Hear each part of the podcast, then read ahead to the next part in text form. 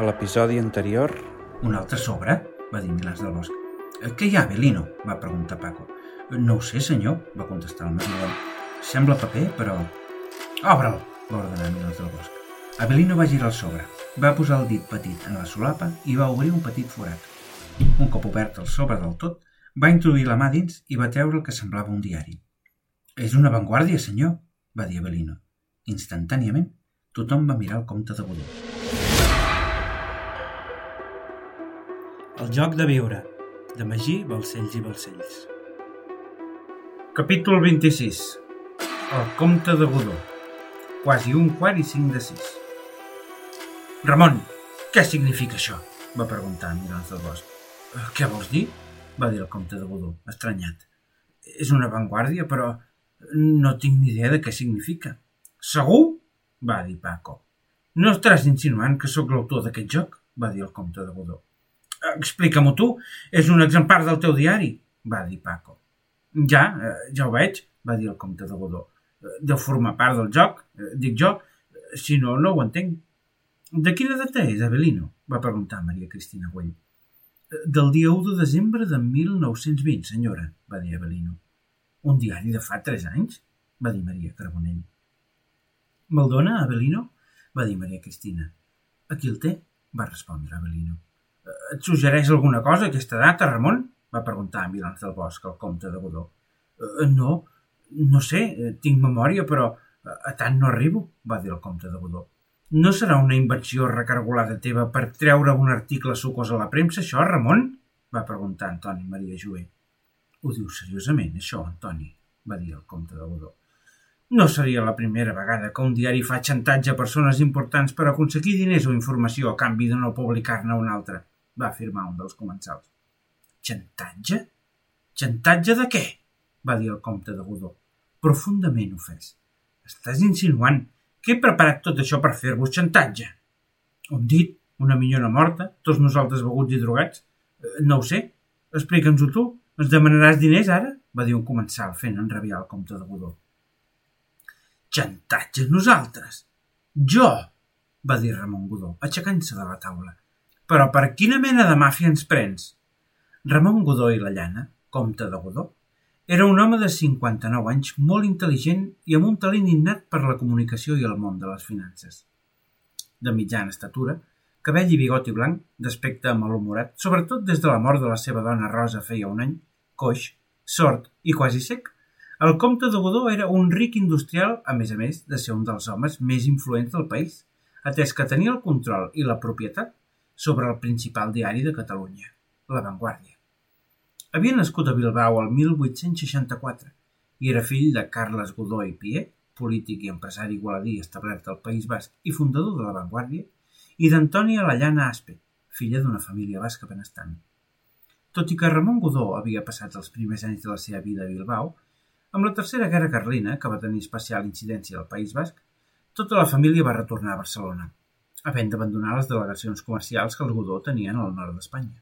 A Barcelona, Carles i Bartomeu, pare i tiet de Ramon, van fundar Godó Hermanos i Companyia, una fàbrica de filats de jute, a més a més de ser membres actius del Partit Liberal, i van ocupar càrrecs polítics, tant en l'àmbit local com espanyol, com és el cas de l'alcaldia d'Igualada o el càrrec de diputat a Corts pel districte d'Igualada, el bastió electoral dels Godó. Ramon Godó va estudiar batxillerat al Col·legi dels Jesuïtes de Barcelona i tècnica tèxtil i econòmica. Posteriorment, als 27 anys, va marxar a Alemanya per complementar la seva formació i el 1887, quan va tornar a Barcelona, va començar a gestionar els negocis familiars, és a dir, la indústria tèxtil de Jute Godó Hermanos i companyia i el diari La Vanguardia, a més a més de combinar-ho amb els càrrecs polítics. Poc temps després, per afermar la política del clan caciquista familiar sobre el districte d'Igualada, Ramon Godó va casar el 1893 amb Rosa Valls i Valls, filla d'una il·lustre família igualadina que va servir per ampliar i consolidar el cercle d'amistats dels Godó a la capital de la Noia. Pel que fa a Godó Hermanos i companyia, Ramon Godó va practicar una gestió continuista i no es van produir gaires canvis respecte a l'època del seu pare i el seu tiet. La fàbrica, coneguda popularment com el Cànem, es tractava d'un edifici fabril del Poble Nou construït el 1882 que es dedicava a la fabricació de jute per la confecció de sacs i xarpelles que donava feina a uns 2.000 obrers, majoritàriament dones i nens, que treballaven en unes condicions molt dures. A diferència de la fàbrica de Jute, on sí que va dedicar tots els seus esforços per eixamplar el negoci, va ser a l'avantguàrdia. Ramon Godó sabia perfectament que la política i el poder restaven subjectes a l'opinió pública i que aquesta es forjava mitjançant la construcció de la ment humana a través de la comunicació. En un estat com Espanya, encara que es tractava d'una democràcia aparent, atès que els processos electorals eren autèntiques farses, les fortes diferències entre les classes socials la convertien en una societat molt inestable, raó per la qual era imprescindible mantenir certa pau social mitjançant una opinió pública favorable al règim. En aquest sentit, ser el propietari d'un important mitjà de comunicació de masses obria moltes més possibilitats de negoci i poder que una simple fàbrica tèxtil, atès que el poder polític necessitava controlar els mitjans de comunicació, un favor que els propietaris dels mitjans es cobraven amb escreix. La Vanguardia havia estat fundada pel pare i el tiet de Ramon Godó el 1881, animats pel clima de benestar que vivia el país amb la febre d'or, resultat de l'eufòria borsària desfermada el 1880. D'aquesta manera, els germans Godó van veure una possibilitat de comptar amb una publicació pròpia que donés suport al proteccionisme en economia i el liberalisme en política, fundant així el diari La Vanguardia com a suport al partit liberal de Praxides Mateo Sagasta. Uns anys més tard, consolidat ja el diari, els germans Godó, estimulats per l'ambient de l'Exposició Universal de Barcelona, van canviar el format i van nomenar un nou director que va fer un gir comercial, tot convertint-lo en un diari de masses, que, a imatge i semblança del Times londinenc, recollís l'esperit d'un diari liberal, alhora que reflectís amb exactitud la vida barcelonina, catalana i espanyola. Ramon Godó, un cop mort el pare i el tiet, i amb l'avantguàrdia sota la seva direcció, va buscar la innovació contínua i l'obertura del mercat per dotar d'una idea més empresarial al diari, donant-li una nova imatge, ampliant la informació oferta amb temes més variats i seccions especialitzades en literatura, art o ciència, a més a més d'oferir fascicles, llibres i anuaris per guanyar-se la fidelitat dels lectors. L'època daurada de l'avantguàrdia, però, es va produir durant la Gran Guerra, ja que Ramon Godó va tenir l'habilitat de situar a Gaciel en el bàndol aliat i a Enrique Domínguez en el bàndol alemany i va contractar el servei de l'agència Aves de París i de la TAS russa per oferir opinions contrastades i diverses i crear així una imatge de neutralitat editorial que va ser molt valorada per la societat barcelonina, amb rellevants interessos econòmics en el conflicte, ja que les fàbriques catalanes van treballar a preu fet per les potències d'un bloc i altre, i que van convertir a l'avantguàrdia en el diari amb més tirada del país. D'aquesta manera, el 1916, a petició expressa del conde de Romanones pels serveis prestats a Espanya, Alfons XIII va concedir a Ramon Godó el títol de comte de Godó. Finalment, a part de la fàbrica i l'avantguàrdia, Ramon Godó va militar al Partit Liberal i va ser elegit diputat pel districte d'Igualada a les eleccions generals espanyoles de 1899, 1901, 1903 i 1905, a més a més de ser vocal dels sometents de Barcelona. A veure, no ens esperem, si us plau. Dubto que en Ramon tingui alguna cosa a veure amb aquest joc, va dir Lluís Ferrer Vidal. Disculpa, Ramon, eh, tots ens han acusat en algun moment o altre. Només faltaves tu, va dir el comensal que l'havia acusat de fer xantatge. Jo perdono, però mai oblido, va dir el comte de Godó de manera desafiant. A, a veure, és un exemplar de l'avantguàrdia del dia 1 de desembre de 1920, va dir Maria Cristina. I l'última pista és mort. Busquem alguna relació? Què hem de buscar? va dir Carlos de Sentmenat. Un mort a les necrològiques? Les necrològiques estan en la portada i en les primeres pàgines, va dir el comte de Godó. Ves llegint els morts, va dir Milans del Bosc. Maria Cristina es va aclarir la gola i va llegir. Don Guillermo Trias i Romeu, en francès de Pla, Basolí i Ventura, Doña Balbina, Millet i Bertran de Agustí, Doña Maria de Asunción, Clauselles i Bonjoc, i Doña Lucía Raimunda, Espeleta al Mingol. Eh, passo a la pàgina següent. Doña Dolores Rodés i Bassas. Doña Catalina Brivian Betas. Don Juan Mata Ferrés. Maria Teresa Tarrés i Prat. Don Félix Reixac i Reixac. José Góngora i Muñez Cobo. I don Juan López Lloret. Eh, passo de pàgina. Doña Isabel Mateu i Pérez. Va fer un silenci. Eh, ja no hi ha més morts? Un anunci de Santa Eulàlia l'última actuació de Maurice Chevalier al Principal Palace. Oi, sí, ho recordo, va tallar-la Isabel Llorac. A la pàgina següent hi ha anuncis i un article de Elogios al Gobierno, seguia Maria Cristina. Elogios al Gobierno? va dir Milans del Bosc, ridiculitzant la notícia. Eh, sí, sembla que per la garantia oferta pel Banco d'Espanya als industrials i comercials de Barcelona, va puntualitzar Maria Cristina. Segueix endavant, va dir Paco. A la pàgina següent hi ha informacions de Barcelona, va dir Maria Cristina, però no veig res rellevant.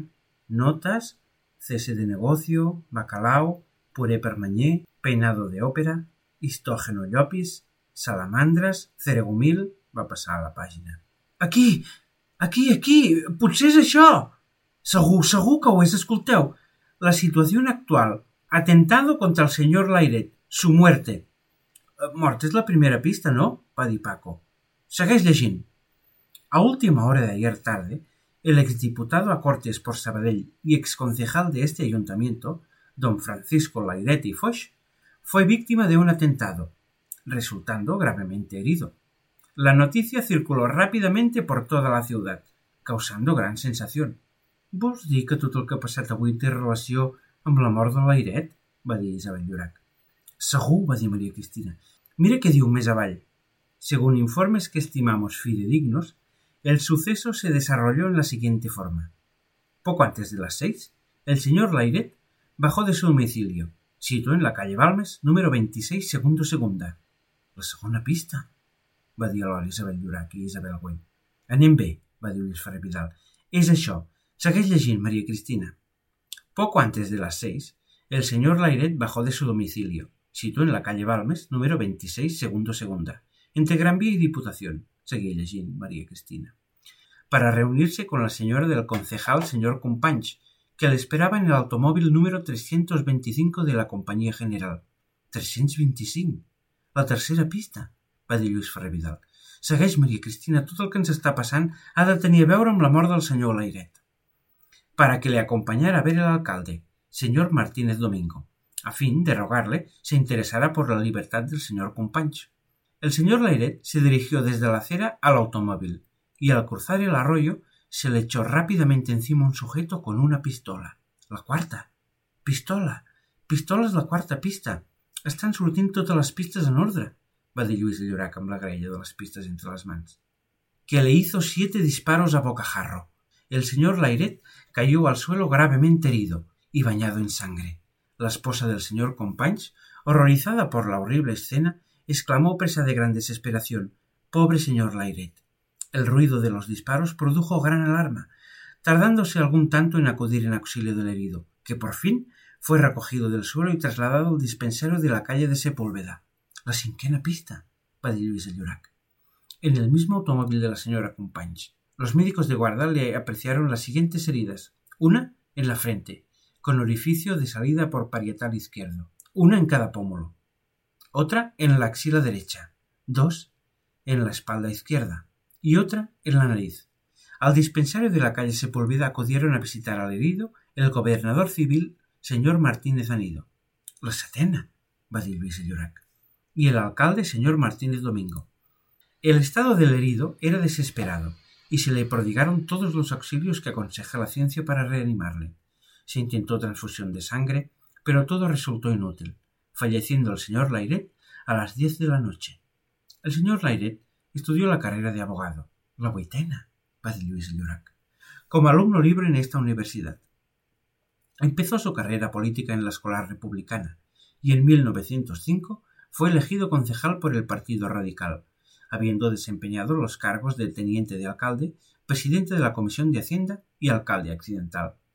Cuando el movimiento de solidaridad catalana ingresó en ella y últimamente formaba parte del Partido Republicano Catalán, habiendo representado a las pasadas Cortes el distrito de Sabadell.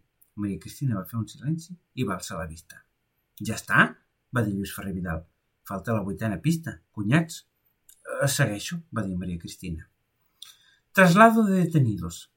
Ayer tarde, 36 sindicalistas detenidos en la cárcel Modelo fueron trasladados a bordo del aviso Giralda, que zarpó de este puerto a las cinco y media con rumbo a Mahón, en donde desembarcarán los sindicados sindicalistas que van destinados al castillo de Isabel II, o sea, de la Mola. Por la tarde, los periodistas pidieron al gobernador civil la lista de los indicados sindicalistas. El señor Martínez Anido dijo que no tenía inconveniente alguno en facilitarla, pues no quería tenerla oculta. Había que tomar esta medida, añadió. Teníamos que separarlos de Barcelona y tengo la convicción que con esto a muchos les hemos salvado la vida. Ojalá lo hubiera hecho también como estaba decidido con el señor Lairet, y no pesaría la responsabilidad de su atentado. No se dan cuenta de que las pasiones han llegado al rojo, que ha venido la reacción contra los anteriores atentados y no saben los esfuerzos que tienen que hacerse para evitar el estallido de dichas pasiones. Esto, sigo diciendo, no es una deportación, no se les envía a las colonias. Se les manda al castillo de la Mola, a menos de la distancia de 150 kilómetros que señala la ley. He aquí la lista de los embarcados a bordo del Giralda. De sobte, davant la sorpresa de tots, es va sentir novament el cantall del mirall. Els comensals, espantats, van mirar el forat del sostre i van veure que sortia un braç amb la pistola a la mà apuntant al mirall de la cabra hispànica. Sobre la fusta, on hi havia el mirall, va aparèixer un nou escrit que deia L'Estat és el resultat de la força, la violència i el sotmetiment. És una gran ficció, sobretot a Espanya. La ficció per la qual tots vostès viuen expenses dels obrers. Ens roben i ens fan ser esclaus del salari, i la llei manté i protegeix aquest crim atroç alhora que vostès intenten fer-nos creure tots que som persones lliures i independents, quan en realitat, per vostès, nosaltres, ja siguem homes, dones o nens, no som més que un instrument d'explotació, entre els quals no hi ha més diferència que la del cost. Hem de dir-los, però, que de la mateixa manera que la vella reina és sacrificada per les obreres, quan aquesta no serveix a l'objectiu de la colònia, el mateix passarà amb vostès, perquè la burgesia no forja només la seva pròpia destrucció, sinó que forja també el seu propi enterrador, la classe obrera. I avui, les obreres acabaran amb vostès. Què cony significa això? Va exclamar Milans del Bosc, estranyat. Significa que qui ha creat aquest joc és un anarcosindicalista, va dir Paco amb menys preu. Eh, Maria Cristina, segueix llegint, falta l'última pista, va dir Lluís Ferrer Vidal. Eh, sí, continuo. He aquí la lista de los embarcados a bordo del Giralda.